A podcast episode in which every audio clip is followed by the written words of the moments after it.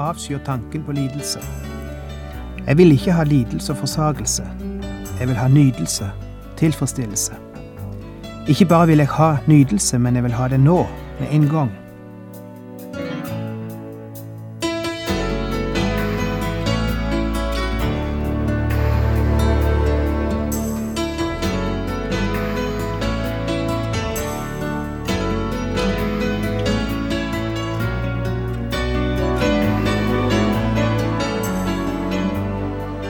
Hjertelig velkommen til et nytt program i serien Vindu mot livet.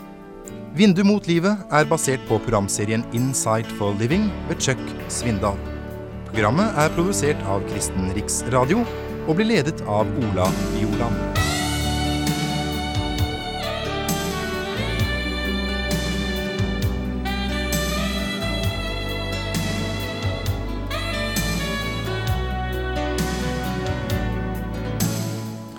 Der fins to rike, vil si to maktområder i livet, ifølge Bibelen. Det ene kalles Guds rike. Guds rike er ikke noen plass, først og fremst. Guds rike er det området der Gud har autoritet, der Gud bestemmer, der mennesket gir Gud ære og makt, og bøyer seg ned i lydighet og tilbedelse. Å komme inn i Guds rike betyr ikke at en fløter ifra et sted til et annet sted. At en liksom fløter ifra været og inn i en åndelig sfære. Nei, å komme inn i Guds rike betyr å komme inn under Guds innflytelse. Det andre riket Bibelen taler om, har vi flere navn på i Bibelen. Et av navnene er mammon, som betyr penger og materialisme. Et annet navn er denne verdens rike. De mennesker som tilhører dette riket, har pengene som sin gud. Det er pengene som styrer deres liv. Eller det er posisjon, makta, æra som styrer livet deres. Og livet er et uopphørlig jag etter å nå lenger. Mer penger, mer makt, høyere posisjoner. En blir faktisk drevet av ei usynlig makt. Den som er gått inn i Guds rike, det vil si den som virkelig har gått inn i Hans rike, underlagt seg Hans herredømme, får heilt andre verdier i livet. Verdiene blir ofte snudd opp ned når en kommer inn i dette riket. Ikke at en melder seg ut av verden, eller melder seg ut av samfunnet, og ikke lenger kan nyte de godene som denne verden gir. Tvert om. Men en nekter å la disse ting få makt over en, få styre en, få bestemme alt i tilværelsen. De materielle ting blir fortsatt gode, ting som en setter pris på, og som en er takknemlig for, og en skulle gjerne hatt litt mer av de av og til. Men de får ikke lov til å styre meg og herske over meg og bli sjølve målet for livet. For vi har en annen herre og et annet mål. Og jau, vi slites nok fortsatt imellom disse to rikene. Og ikke alle av oss har kommet like langt når det gjelder å se de virkelige verdiene i livet. Når det gjelder å se hva som virkelig er stort, og hva som er smått. Enn sagt det slik Når vi får se litt inn i de skjulte verdiene, så lærer vi at de små tjenestene i livet ofte er de viktigste at å bøye seg ned ofte har en større virkning enn å utøve makt. De små ting er de virkelige store ting i Guds rike. Og her lærer vi litt om hva sann kristendom er.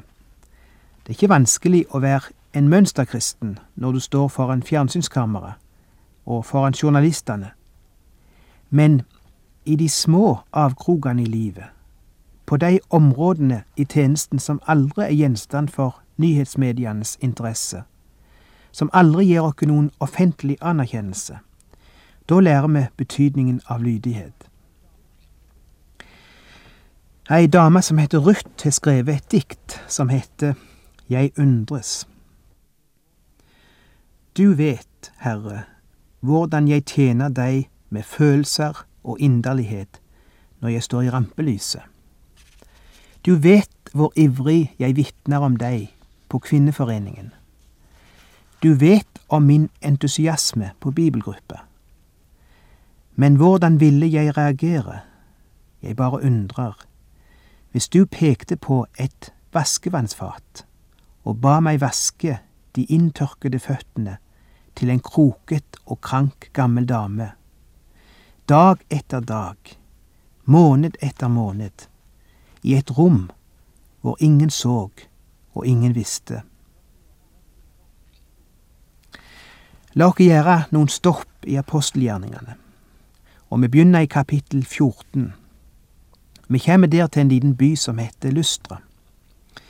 Navnet Lystra sier ingenting for folk flest, men for deg som leser Bibelen, forbinder du Lystra med den plassen der Paulus vart steina. Og han vart forlatt nesten død der. Men han kom seg etter ei stund, og han kosta støv av klærne og samla sine sanser igjen og gikk på med krum rygg for å fullføre det oppdraget Gud hadde kalt han til. Vi leser i apostelgjerningene 14 ifra vers 19.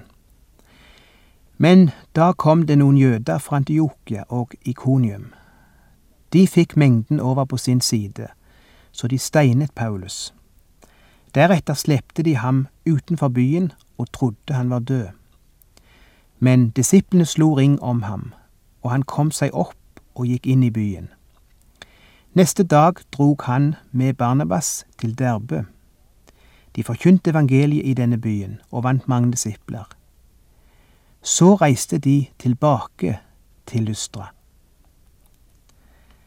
Ja, kan du tru noe sånn? Samme plassen som han var blitt steina. Det er mest det samme som å gå tilbake til den samme arbeidsplassen der du fikk sparken. Det er som å søke tilbake til det vennskap som den andre part braut opp med. Slik må det ha vært for Paulus å oppsøke Lystra igjen, men han gjorde det. De styrket disiplene, oppfordret dem til å holde fast ved troen og sa, Vi må gå inn i Guds rike gjennom mange trengsler.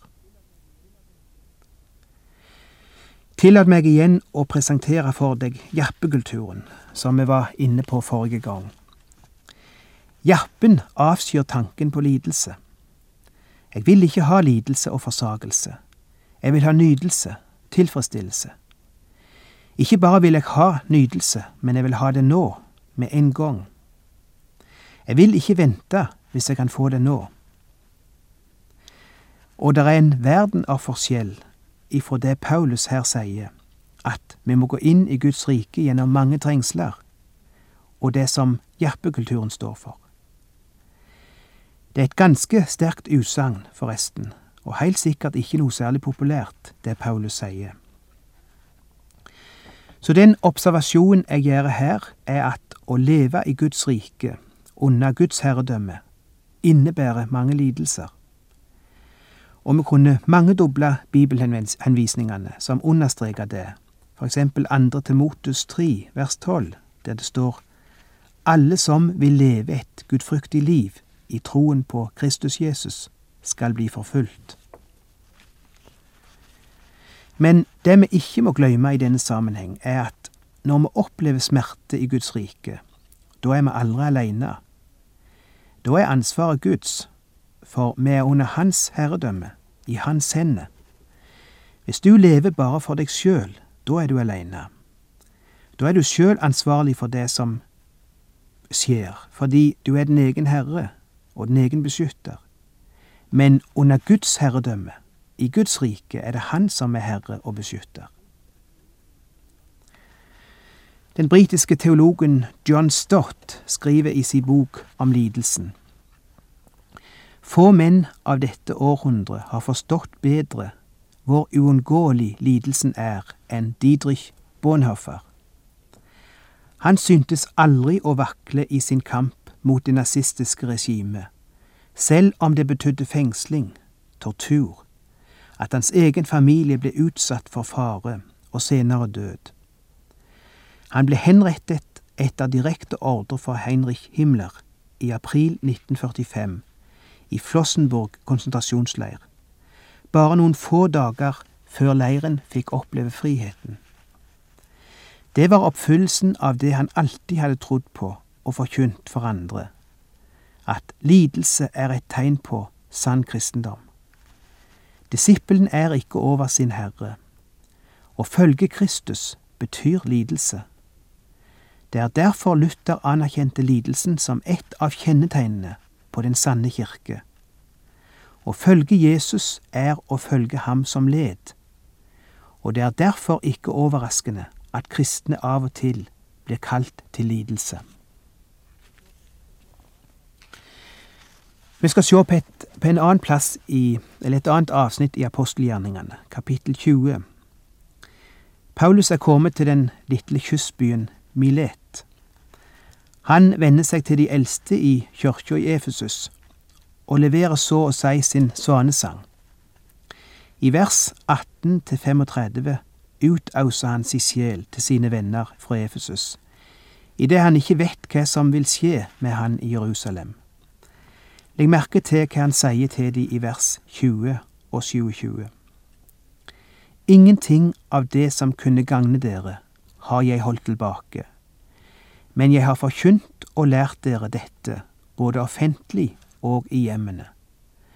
For jeg har på ingen måte unnlatt å forkynne hele Guds plan og vilje. Vi observerer to ting her. For det første hvor viktig, ja fundamentalt, læren om Guds rike er i Paulus' forkynnelse. Og for det andre hvor lett det er å unnlate å forkynne dette, og holde det tilbake. Jeg er så lett for å trekke meg når det gjelder å forkynne sannheten om Guds rike, for jeg vet at mange folk liker det ikke. Men når jeg blir frista til å tone dette ned, eller å tie, da trenger jeg å minne meg sjøl om det som står i Andre Timotes 4, vers 2. Forkynn ordet, stå klar i tide og utide. Overbevis, tal strengt, tal trøst. Gi ikke opp når du lærer dem. For det skal komme en tid da folk ikke lenger kan tåle den sunne lære. Men slik de finner det for godt, skal de ta seg lærere i mengdevis for de vil ha det som klør i øret. Lurer på om det ordet passer i dag. Er det mulig å finne en lærer eller en forkynner som vil fortelle deg det du ønsker å høre? Å ja, det er ikke vanskelig. Du skal ikke trenge å lete lenge for å finne det. Du vil alltid finne noen som vil fortelle deg hvor fantastisk du er, og hvor fint og rett og godt alt det er med deg. En gang det var blitt talt om disse ting på et møte i ei kirke i Amerika, fikk vi et brev ifra en av tilhørerne som fortalte følgende.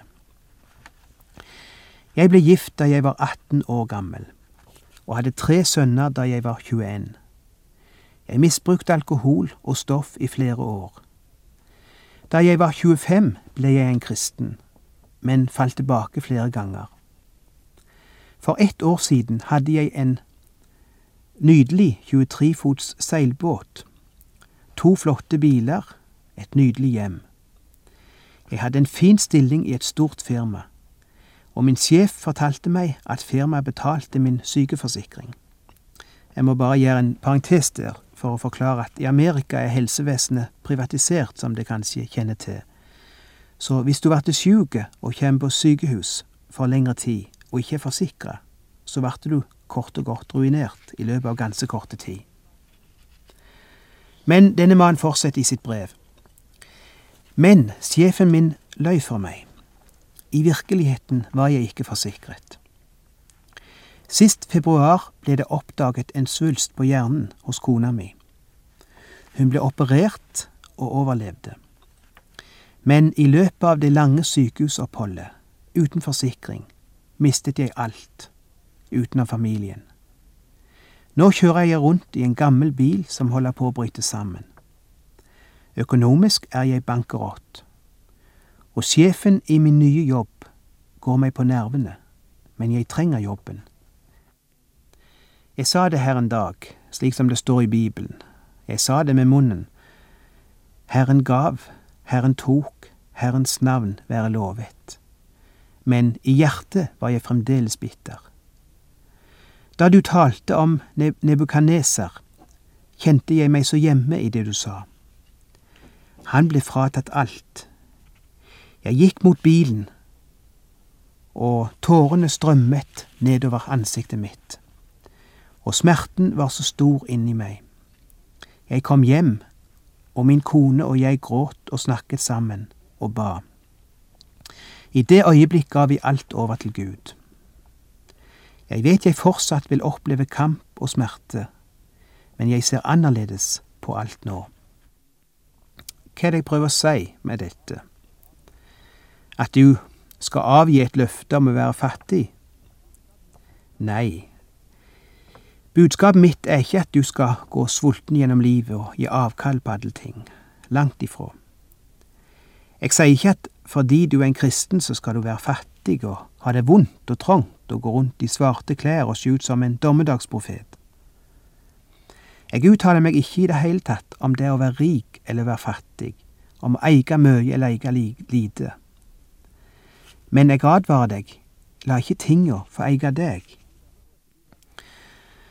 Og nå skal ikke du være så skråsikker på at du har unngått den faren. Du skal ikke være så sikker på at ikke pengene eller karrieren eller jaget etter makt og anerkjennelse styrer deg mer enn du er klar over. Og poenget her er at hvis disse ting eh, i større og mindre grad har makt over deg, så hindrer det deg ifra å oppleve et liv som ligger over det trivielle. Det er et liv som er annerledes, når andre verdier blir viktigere enn de verdiene flertallet av menneskene har. Og det som heller menneskene borte ifra å ta dette steget opp ord denne materialismens gjørme, og opp ifra det trivielle. Det kan være grådighet, og det kan være jag etter rikdom og makt, som vi har snakket om i dette programmet. Eller det kan være pessimisme, tiltaksløshet, bekymring, som vi har snakket om tidligere. Du vet, når Jesus i bergpreika snakker om bekymring, og nettopp beskriver et slikt liv som er typisk for de fleste menneskene, og som han tilbyr oss å stige ut av og heve oss over, så jamstiller han jaget etter mammon med bekymring og frykt. Det er egentlig to sider av samme sak. Det er noe her i livet du heller så fast på, og som heller så fast på deg, at det hindra deg i å leve livet så rikt og så spennende som Gud hadde tenkt det skulle vært. Og det kan skje at vi får oppleve dette nye og rike livet når vi stiger inn i Guds rike, det vil si når Guds herredømme tar over, når Gud blir herre i vårt liv, når vi gir alt til Han, både problemene og frykten og smerten, og ikke minst vår tid, våre midler, vårt liv, og så regner vi at Han vil gi meg tilbake det jeg trenger. Ikke at vi skal kvitte oss med det nødvendigvis, men at vi skal gi det opp, overlate styringen og ansvaret til Han. Fordi du er i Hans rike. Da har du alt. Og da kan i grunnen hende hva som hende vil. Jeg er i Hans rike. Jeg er i Herrens hender, i alt som med meg skjer. I smil og gråt jeg kjenner at Herren er meg nær. Om jeg i dype daler må gå den tunge vei, fra himmelens høye saler, hans øye følger meg. Det er en legende som forteller om en mann som hadde gått seg vill i ørkenen, og han holdt på å dø av tørst. Til slutt snubla han over et lite skur, et gammelt, falleferdig skur, uten vinduer og uten tak. Det var iallfall ei, en liten skygge der ved sida av skuret for den steigende ørkensola, som han satte seg ned i. Og så så han, satt han der i skyggen av dette skuret, og så så han seg rundt, og så fikk han øye på ei vannpumpe ca. fem meter borte. Ei gammel, rusten vannpumpe. Og han drog seg bort til denne vannpumpa, og greip håndtaket og begynte å pumpe opp og ned, og opp og ned men ingenting skjedde. Det kom ikke ut noe vann. og skuffa og nedbrutt sjangla han tilbake imot skurveggen. Men så fikk han øye på ei gammel krukke som sto i nærheten. Han tok den opp og tørka støvet av den, og da fikk han øye på noe som sto skrevet på krukka. Og det sto Pumpen må fylles med alt det vann som er inni denne krukken, for at den skal virke. Og så sto det PS. Husk å fylle krukken igjen før du går videre. Han reiv opp korken, og ganske riktig, det var vann oppi krukka, og omtrent full. Og plutselig sto han overfor et valg. Hvis han drakk vannet ifra krukka, så kunne han overleve.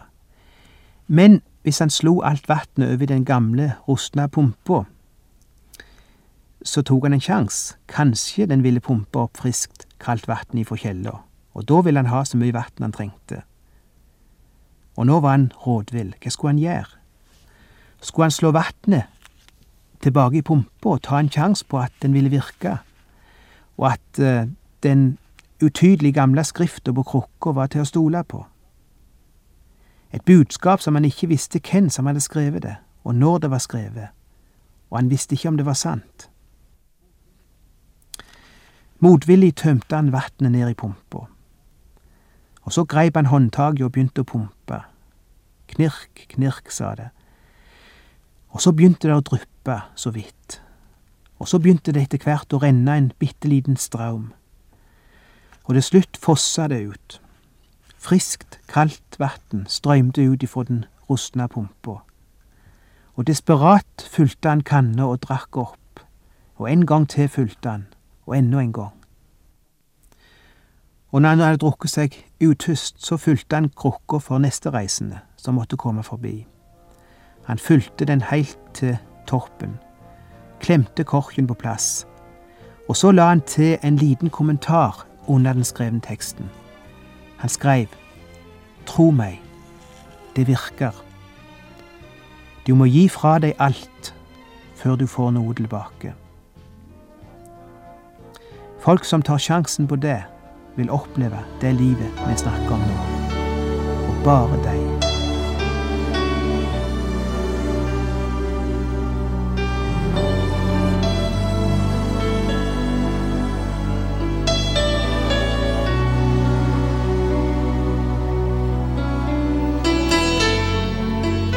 Du har hørt på et program ifra serien Vindu mot livet med Ola Bjoland.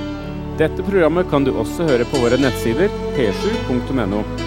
Har du spørsmål eller kommentarer til det du nå har hørt, kan du ta kontakt med oss. Vårt telefonnummer er 56 32 1701. Om du heller ønsker å sende oss en e-post, kan du bruke adressen post krøllalfa p7.no. Takk for i dag, og på gjenhør.